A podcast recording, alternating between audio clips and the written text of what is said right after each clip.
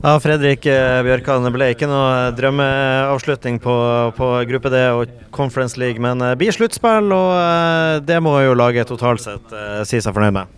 Ja, absolutt. Altså, så sier det, det var ikke vår beste match, men uh, det var litt mye som skulle til i dag. og uh, Jeg følte vi, vi, ga det vi hadde. Så, uh, sånn er det bare. Og vi har masse å glede oss til fremdeles. Så Eh, vi får jo en utrolig artig kamp allerede i eh, februar, blir det. Så eh, det blir jo utrolig gøy. Så nå må vi ta oss noen uker ferie og så bare lade batteriene og komme 100% tilbake.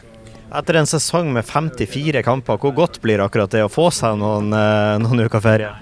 Nei, Det blir veldig veldig godt. Jeg er ikke, skal ikke legge skjul på at det har vært en lang sesong. Så nå skal vi virkelig kose oss en uke, litt over en uke, og så skal vi begynne å jobbe inn mot en ny sesong.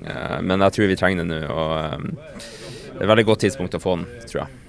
Altså Et litt spørsmål om kampen også. da Kommer får i straffe, setter inn 1-1. og så der, Da vil jeg jo tro, når den går i mål, at nå tenkte dere at OK, vi kan faktisk klare det her. Og så Hvor, hvor demotiverende er det da at den kommer jeg vet ikke hva det er, 20 sekunder etterpå igjen til, til 2-1? og Hvor mye, hvor mye ødelegger den motivasjonen som kommer med utligninga?